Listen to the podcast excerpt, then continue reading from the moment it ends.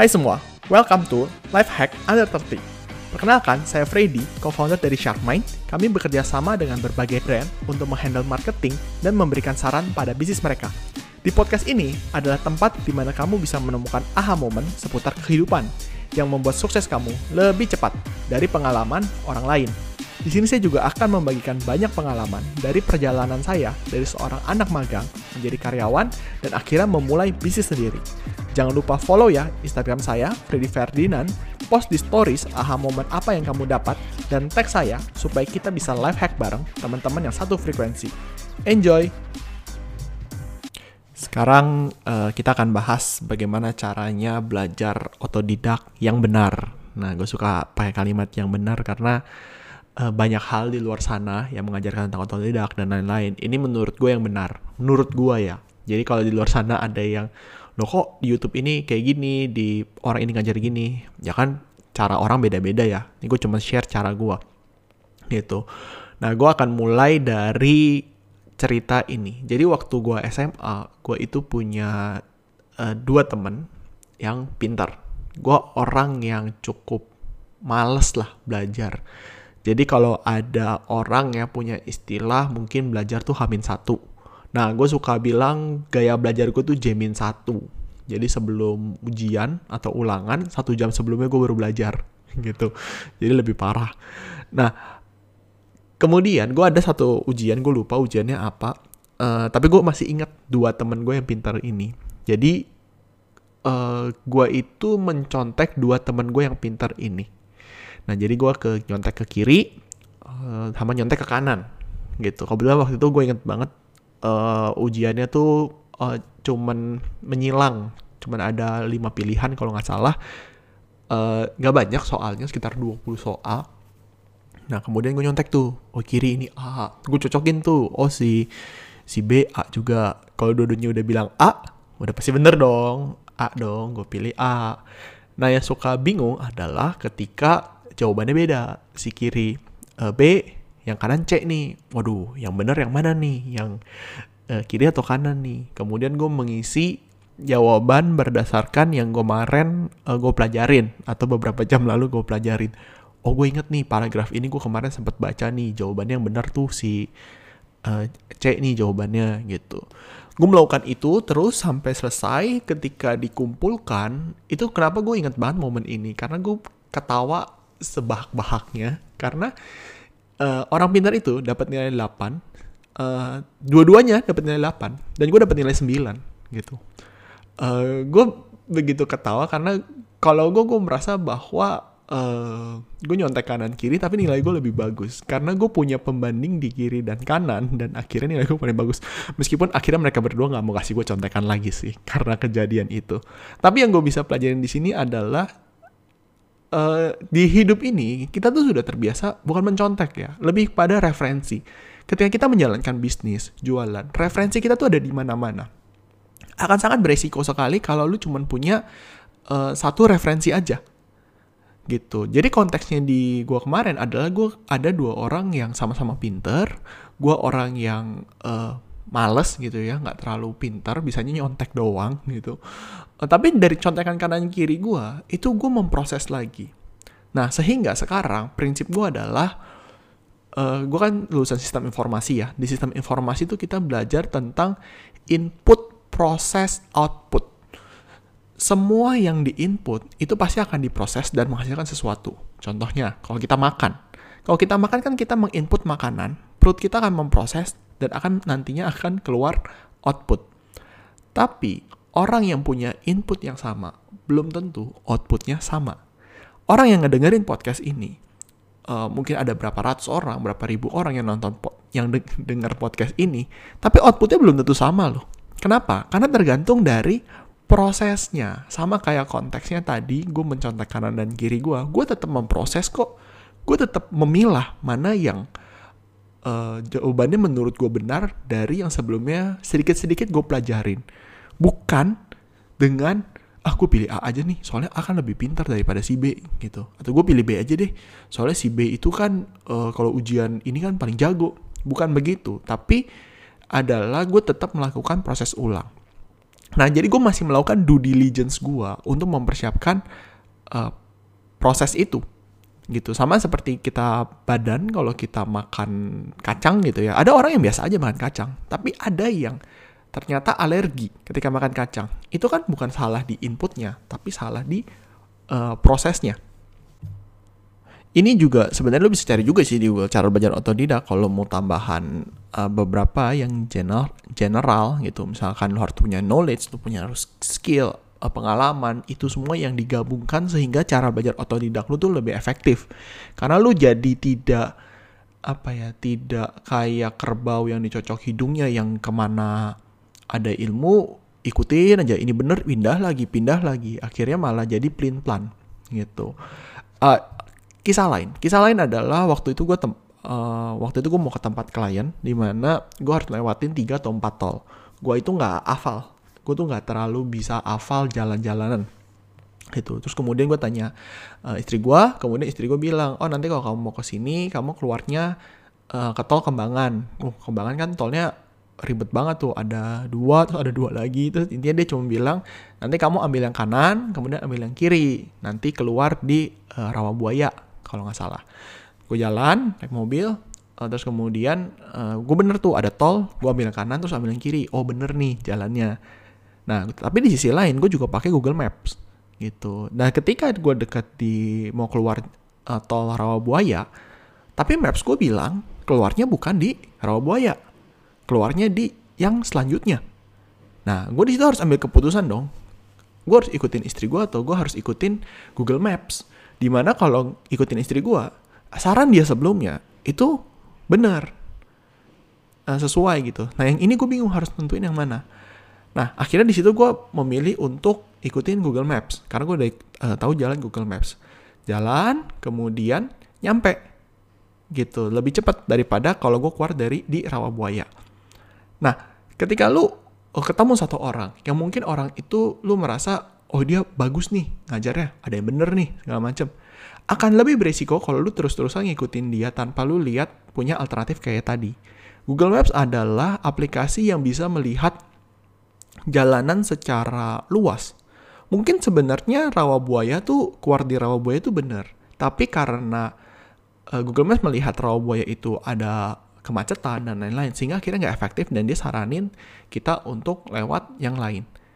Nah itu sama ketika lu belajar sama seseorang uh, atau sesuatu atau di mana pun, penting untuk lu punya uh, fundamentalnya supaya lu tidak ikut-ikutan terus karena lu percaya sama orang itu akhirnya belajarnya sama orang itu terus ikutin semua kata orang itu gue pernah melakukan itu gue pernah post di feed dan itu uh, ya kira kesalahan terbesar gue juga gitu hanya belajar dari satu orang tidak melihat yang lain nah di sini gue akan bagi basically uh, tiga saran yang gue bisa kasih buat lu untuk lu punya uh, otodidak yang benar. Pertama adalah knowledge tree. Nah, knowledge tree itu atau bahasa lainnya itu disebut reality growth. Nah, apa itu? Lu bisa cari di YouTube uh, sekarang tentang namanya knowledge tree Elon Musk. Jadi gue senang banget sama Elon Musk dari cara dia belajar, cara dia bekerja. Jadi gue akses banyak banget uh, hal tentang Elon Musk sampai dia terbangin roket. Gue pelajarin tentang apa itu roket meskipun gue nggak tahu buat apa ya ilmunya uh, lu cari deh itu lu cari di YouTube knowledge tree Elon Musk nah jadi reality growth itu sebenarnya adalah gabungan dari growth mindset dan fixed mindset Nah, growth mindset tuh kalau lu cari ya itu udah banyak lah istilah yang umum. Intinya kita secara mindset uh, bisa ber, harus terus berkembang, nggak boleh uh, saklek. Contohnya, saya merasa saya gaptek. Nah, itu fixed mindset tuh. Karena kalau pakai growth mindset, ngomongnya ada lebih kepada saya belum terbiasa sama teknologi, tapi saya mau belajar dan percaya bahwa uh, kita tuh bisa belajar dan jadi lebih baik. Bukannya kalau saya terlahir gaptek ya seumur hidup saya akan gaptek. Nah itu fixed mindset. Nah itu carilah. Uh, itu bukan poin utama gue. Poin utama gue di sini adalah knowledge of tree. Sorry, knowledge tree. Nah, knowledge tree itu adalah kayak sama kayak sebuah pohon. Ada akar, ada batang, kemudian ada ranting-rantingnya. Nah, penting untuk lu punya akarnya dulu nih karena kalau lu udah punya akar yang kuat dan ketika lu terima sebuah pengetahuan, sebuah input, di otak lu tuh akan memproses apakah ini tinggal cocokin, ini nyambung sama uh, ranting gue yang mana nih? atau lo kok yang dia ajarin beda dengan akar yang selama ini gue pelajarin sehingga lu bisa mengeluarkan pertanyaan-pertanyaan yang menajamkan uh, argumentasi dari orang itu. Contoh, karena konteks gue gue uh, orang marketing ya, jadi gue akan ambil kasih contoh uh, orang marketing aja. Misalkan lu selama ini belajar dari banyak expert mengatakan bahwa yang paling penting dari marketing itu adalah mengetahui target market gitu. Terus tiba-tiba lu ketemu nih satu expert yang bilang, target market tuh nggak penting. Yang penting itu produk. Bayangin Apple. Apple tuh bisa create produk. Steve Jobs pertama kali tuh bangun produk untuk dijual. Kemudian laku. Nah, kalau expert ini yang ngomong mungkin lu entah berantah gitu ya, yang lu nonton di Facebook gitu ya, orang ngomong gitu, mungkin lu kayak biasa aja. Tapi kok expert yang ngomong, lu pasti akan meragukan uh, pohon pengetahuan lu apakah yang selama ini lu percaya itu benar atau tidak gitu. Nah, kalau lu punya tadi udah punya akarnya, maka setidaknya lu akan mencari tahu uh, kebenaran dari statementnya si expert tadi ataupun mengeluarkan pertanyaan dari expertnya tadi. Contohnya dalam konteks itu adalah misalkan kalau gue di posisi itu, gue akan langsung riset eh, bagaimana pertama kali misalkan Steve Jobs mengeluarkan Mac. Alasan dia uh, membuat Mac, alasan dia uh, mencari iPod gitu, misalnya membuat iPod gitu. Dan kemudian dari itu gue temukan bahwa sebenarnya Apple itu memang fokus ke produk, tapi produk yang dia develop itu sebelumnya dari market juga, di mana market uh, tidak terbiasa, misalkan contohnya iPod ya, biasanya tuh hanya punya CD yang uh, simpan satu dua lagu, tapi dia mengeluarkan satu alat yang bisa menyimpan uh, ribuan lagu di kantongnya. Jadi memang dia fokusnya di produk, tapi produk itu di develop karena melihat market. Nah, akhirnya lu nyambung lagi nih di knowledge tree lu bahwa oh iya, benar tar target market. Tapi knowledge tree lu jadi bertumbuh bahwa oh kalau fokus gua ke market, gua nggak harus selalu buat produk yang di mana sudah ada di dunia ini. Contohnya gitu ya. Sama seperti Steve Jobs. Kalau gue tahu market gue betul-betul tentang uh, kebutuhan dia, bisa jadi gue keluarin sebuah produk yang memudahkan mereka. Yang di mana itu belum ada di dunia ini. Nah, jadi bukannya tiba-tiba, oh gue mau keluar ini, ini belum ada di dunia. Baik lagi knowledge tree-nya atau akarnya adalah target market.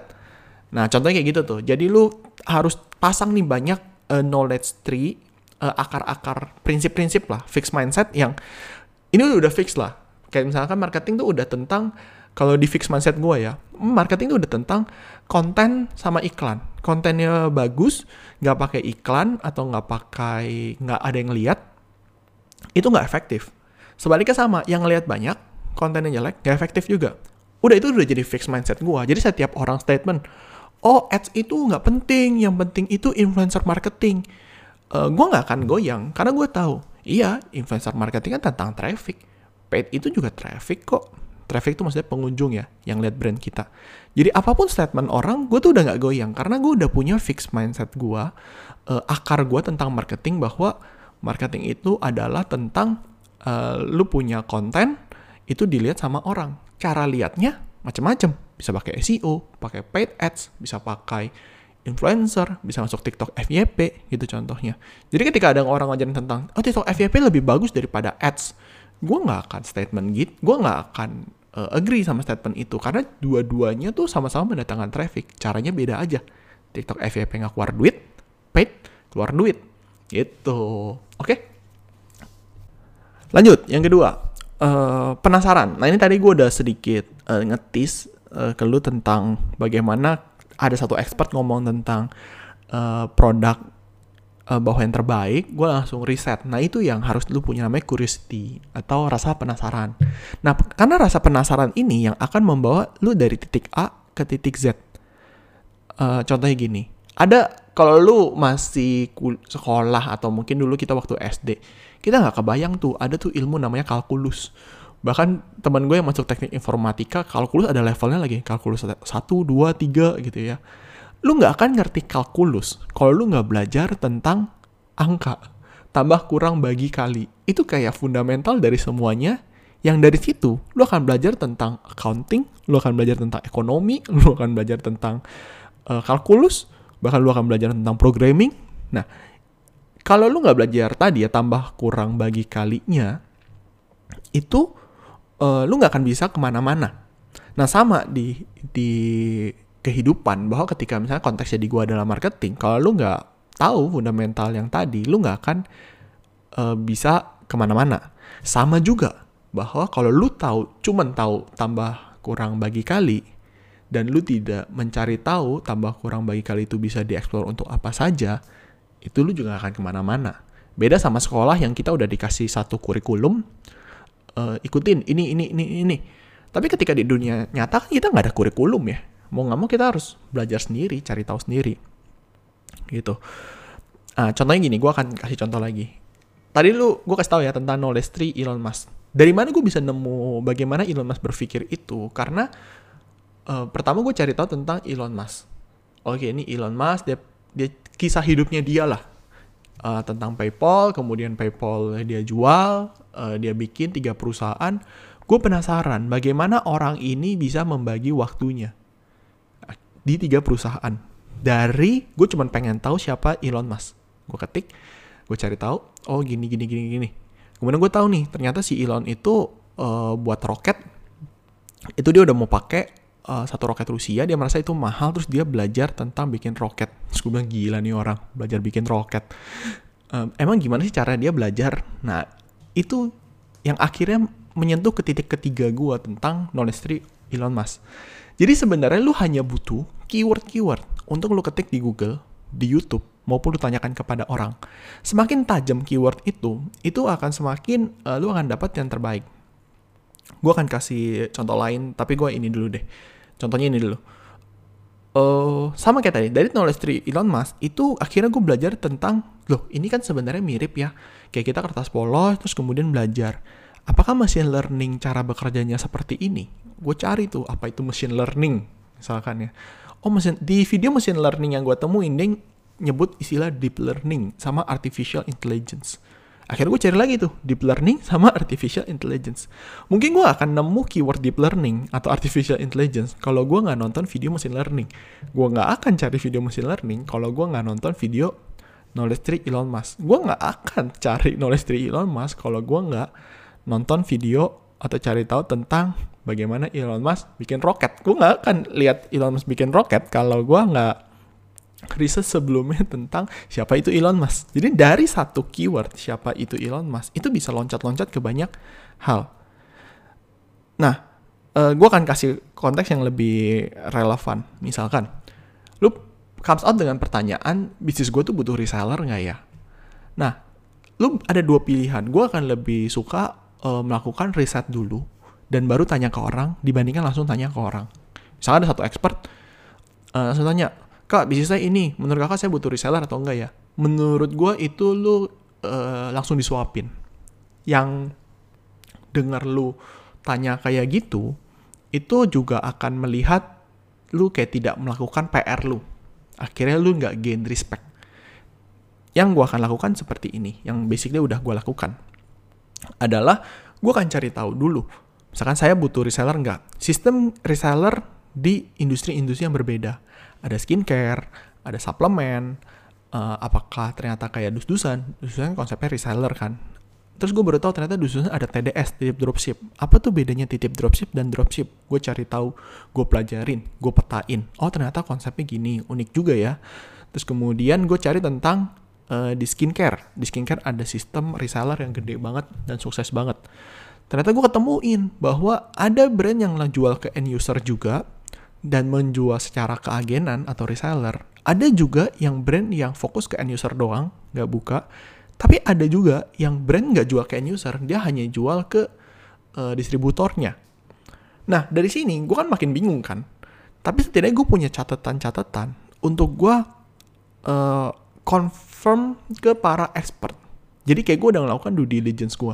Contoh lain misalkan, uh, eh, gue kemarin ketemu uh, Andre Kokois dari MFG, My Fashion Grocer. Dia kan udah bangun jaringan reseller kan lama banget kan di fashion. Ya gue pengen tahu sistem reseller di fashion dia gimana.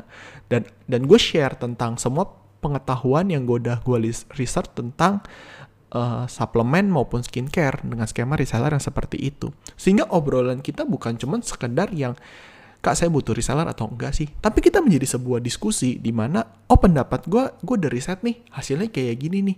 Coba deh kalau di lu kayak gimana? Oh di lu kayak gini ya. Terus kita cari aja polanya. Oh ini kekurangannya apa? Ini ke kelebihannya apa? Hingga waktu itu gara-gara gue main clubhouse gue ketemu satu venture capital. Di mana tiket size uh, investment dia 5 juta dolar sampai 15 juta dolar. Sorry 30 juta dolar. Itu mungkin 10 miliar sampai sampai banyak lah. Uh, apa namanya? Tapi bagaimana gue yang uh, masih muda ini bisa ngobrol dan nyambung sama dia? Ya ada adalah gue hanya membawa semua riset-riset yang udah gue lakukan. Uh, kemudian gue cross check sama dia dan minta pendapat dia tentang misalkan waktu itu gue tanya dia punya satu portfolio yang mempunyai sistem keagenan ya kita tanya kok portfolio kok gimana sih tentang yang ini? Karena saya lagi bingung nih saya mau punya sistem reseller atau enggak? Saya dari riset sih si ini ini ini ini ini ini ini. Menurut kok gimana? Sehingga jawaban yang dia kasih nggak mungkin kulit kulitnya doang. Kenapa? Karena dia tahu bahwa kalau kulit kulitnya aja Freddy itu sudah melakukan riset dari yang dia udah omongin tuh barusan dia ngomong bahwa reseller, ada keagenan, ada dropshipper, ada distributor, dan lain-lain. Jadi dari curiosity, penasaran lu ini, ketika lu nanti ketemu orang, pertanyaan lu akan jauh lebih deep dan uh, lu akhirnya mendapat yang terbaik. Karena dengan semua akses yang udah ada gratis di internet gitu ya, atau sekalipun bayar deh, uh, harganya tuh masih murah kok sebenarnya dibandingkan uh, lu ambil kuliah gitu course yang mungkin paling mahal yang gue tahu itu workshop misalnya 15 juta. Itu workshop 15 juta itu dibandingkan kuliah uh, satu empat tahun gitu. Ha, harusnya sih lebih murah ya. Gitu. Itu selanjutnya. Nah yang terakhir adalah yang ketiga.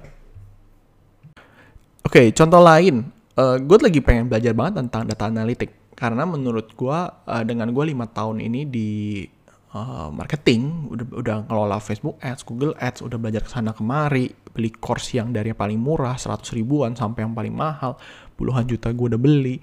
Uh, gue udah menemukan kayak pola-polanya dan gue udah punya knowledge tree gue tentang marketing dan sekarang gue lagi mau belajar itu tentang uh, data di mana dengan partner Sharkman yang udah budget marketing begitu gedenya, data udah banyak, customer sudah banyak, gimana nih caranya gue bisa mengelola data ini? Akhirnya gue mau bangun satu knowledge tree gue baru tentang data. Tapi gue nggak tahu nih mulainya dari mana. Uh, gue cari di Google tentang uh, apa itu data scientist data analitik uh, ada data engineering bedanya apa terus kemudian bagaimana pemanfaatan data industri 4.0 apa itu kenapa bisa dibilang big data menjadi future. Dari situ gue cari ternyata gue ketemu temen gue yang dulu uh, satu komputer club sama gua di Binus dan ternyata dia sekarang jadi head of data salah satu perusahaan startup besar di Indonesia. Gitu. Gue kaget wah gila nih orang uh, hebat banget. Gitu. Terus kemudian gue DM dia eh bro wih di mantep banget nih karirnya gue liat di LinkedIn. Karena gue cari LinkedIn gue cek teman-teman gue siapa sih ada nggak sih yang kerja di data buat gue belajar gitu ya. Uh, terus kemudian dari situ ya sebenarnya gue cuma tanya ke dia oke okay, gue belajar tentang data. Gue udah belajar tentang ini ini ini ini ini, ini, ini. jadi setidaknya tuh buat dia tahu bahwa gue tuh udah melakukan uh, research gue dan uh, jangan kasih gue saran yang terlalu kulit. Karena gue udah tahu nih kalau yang kulit gue udah cari sendiri gue udah belajar sendiri. Uh, eh, gue cuman mintanya gini. Kasih dong gue keyword keyword untuk gue ketik di Google maupun YouTube. Un yang bisa membantu gue menajamkan lagi tentang data. Contohnya gue tahu nih statistik tuh penting sebenarnya buat bisnis uh, karena yang gue nonton di YouTube gini-gini. Tapi gue nggak tahu gue harus ketik apa nih kalau gue mau belajar. Gue nggak mau uh, terlalu matematik, tapi gue mau tahu statistik buat bisnis.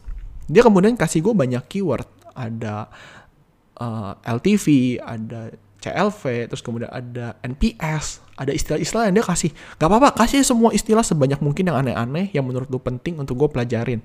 Sisanya gue akan do diligence gue sendiri. Ya udah dia kasih cukup banyak banget uh, keyword, banyak artikel, nih lu pelajarin semua. Oke, okay. gue cuma bilang sama dia gini, oke okay, nanti berapa bulan lagi kita uh, ngobrol lagi ya. ya udah selama berapa bulan itu gue resetin tuh NPS NPS tuh Net Promoter Score. Apa sih Net Promoter Score? Oh itu buat ngecek kepuasan customer. Apa bedanya kepuasan biasa sama NPS ada namanya churn rate. Apa itu churn rate? Jadi dari sana muscle dari satu hal lu pengen bikin data lu cuman butuh keyword-keyword yang nantinya keyword itu lu bisa cari di Google di YouTube untuk lu nantinya belajar gitu. Gue kadang ikut satu seminar di mana ketika gue ikut seminar itu namanya seminar ya dua jam tiga jam ya mungkin pasti kita nggak dapat terlalu dalam ya tapi setidaknya gue cuma butuh keyword keyword untuk gue catat untuk gue cari tahu tentang ini apa sih yang dia sebut dengan uh, banyak lah istilah-istilah. Gue juga sampai saking anehnya bahasanya gue juga sampai nggak hafal. Tapi gue punya catatannya semua. Intinya gue cuma punya catatan tolong pelajarin keyword ini ini ini ini ini, ini gitu. Nah itu yang harus uh, lu temukan ketika lu pengen belajar. Sehingga yang lu pelajarin makin deep. Nggak cuman kulit kulitnya aja. Uh, nanti gue post uh, konten ini di feed gue lu komen aja deh. Gue merasa gue karena seneng cerita aja ya oh ini ada contohnya menurut gue ini contohnya nyambung. Gue suka pakai ilmu cocok logi gitu kayaknya ini nyambung nih untuk ngajari ngasih tahu orang gitu ya. Akhirnya gue ngomongnya bisa kepanjangan. Nah gue nggak tahu nih sebenarnya bisa dinikmati atau tidak. Gue seneng loh kalau ada orang yang sampai feedback ke gue komen dengan strike uh, pendapat dia. Kan kar karena kita punya growth mindset ya kita selalu improve ya gitu. Oke okay, baik lagi. Yang terakhir adalah uh, lu harus cari tahu why dan how-nya bukan what-nya. Kenapa dan bagaimananya. Bukan apanya. Jadi uh, eh, gue masukin mau sharing ini karena beberapa hari yang lalu itu gue diminta tolong sama satu temen gue dia punya sekolah programming.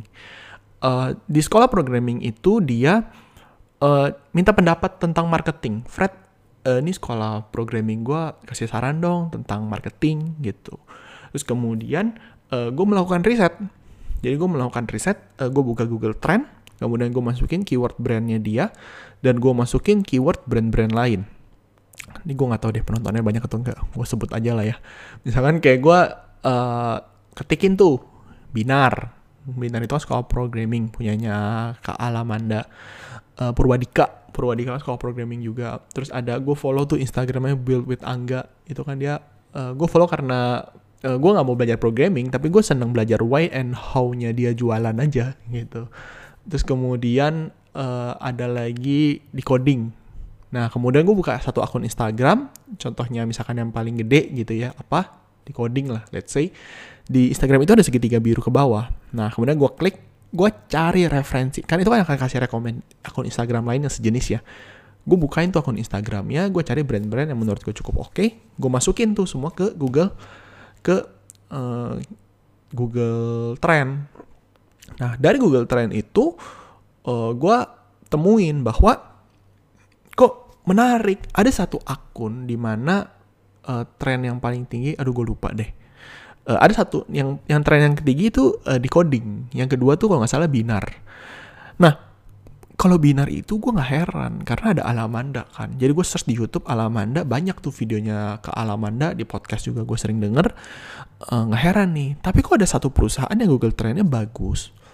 Uh, kemudian dia kok uh, apa sebutannya ya nggak pakai orang akun Instagramnya followernya gede. Terus kemudian gue kasih lihat ke teman gue yang programming ini nih coba uh, lu riset gitu. Karena dari Google Trend ini nih yang lebih bagus nih daripada brand lu tapi gue penasaran sama why sama how-nya. Di mana lu kok ada ya satu akun Instagram gak pakai personal branding penjual follower bisa gede engagementnya bagus Google Trendnya bagus. Nah gue riset kemudian gue coba aplikasikan ini ke industri gua digital marketing bisa atau enggak. Jadi gue kalau lu tanya misalkan Fred kok lu bisa sih misalkan dapat referensi uh, tentang industri fashion ya gue tidak hanya belajar tentang industri fashion tapi gue belajar hampir semua industri kemudian gue coba jahit mana kira-kira yang bisa uh, di industri ini gitu contohnya misalkan Dususan punya welcome package uh, welcome to Dususan, uh, ada word systemnya, ada lain-lain. Dari mana kami belajar? Kami belajar dari ClickFunnels. ClickFunnels kan software kan. Tapi kenapa bisa di copy untuk market emak-emak? Tadi kita cari tahu why sama how-nya. Tapi jangan apanya, karena apanya itu bisa diganti, bisa ganti industri. lu pakai itu mungkin bisa di industri fashion lu pakai itu mungkin bisa di industri. Gue bahkan rencana akan pakai itu di uh, Shark Mind di mana setiap orang gabung Shark Mind uh, gue akan kasih welcome package.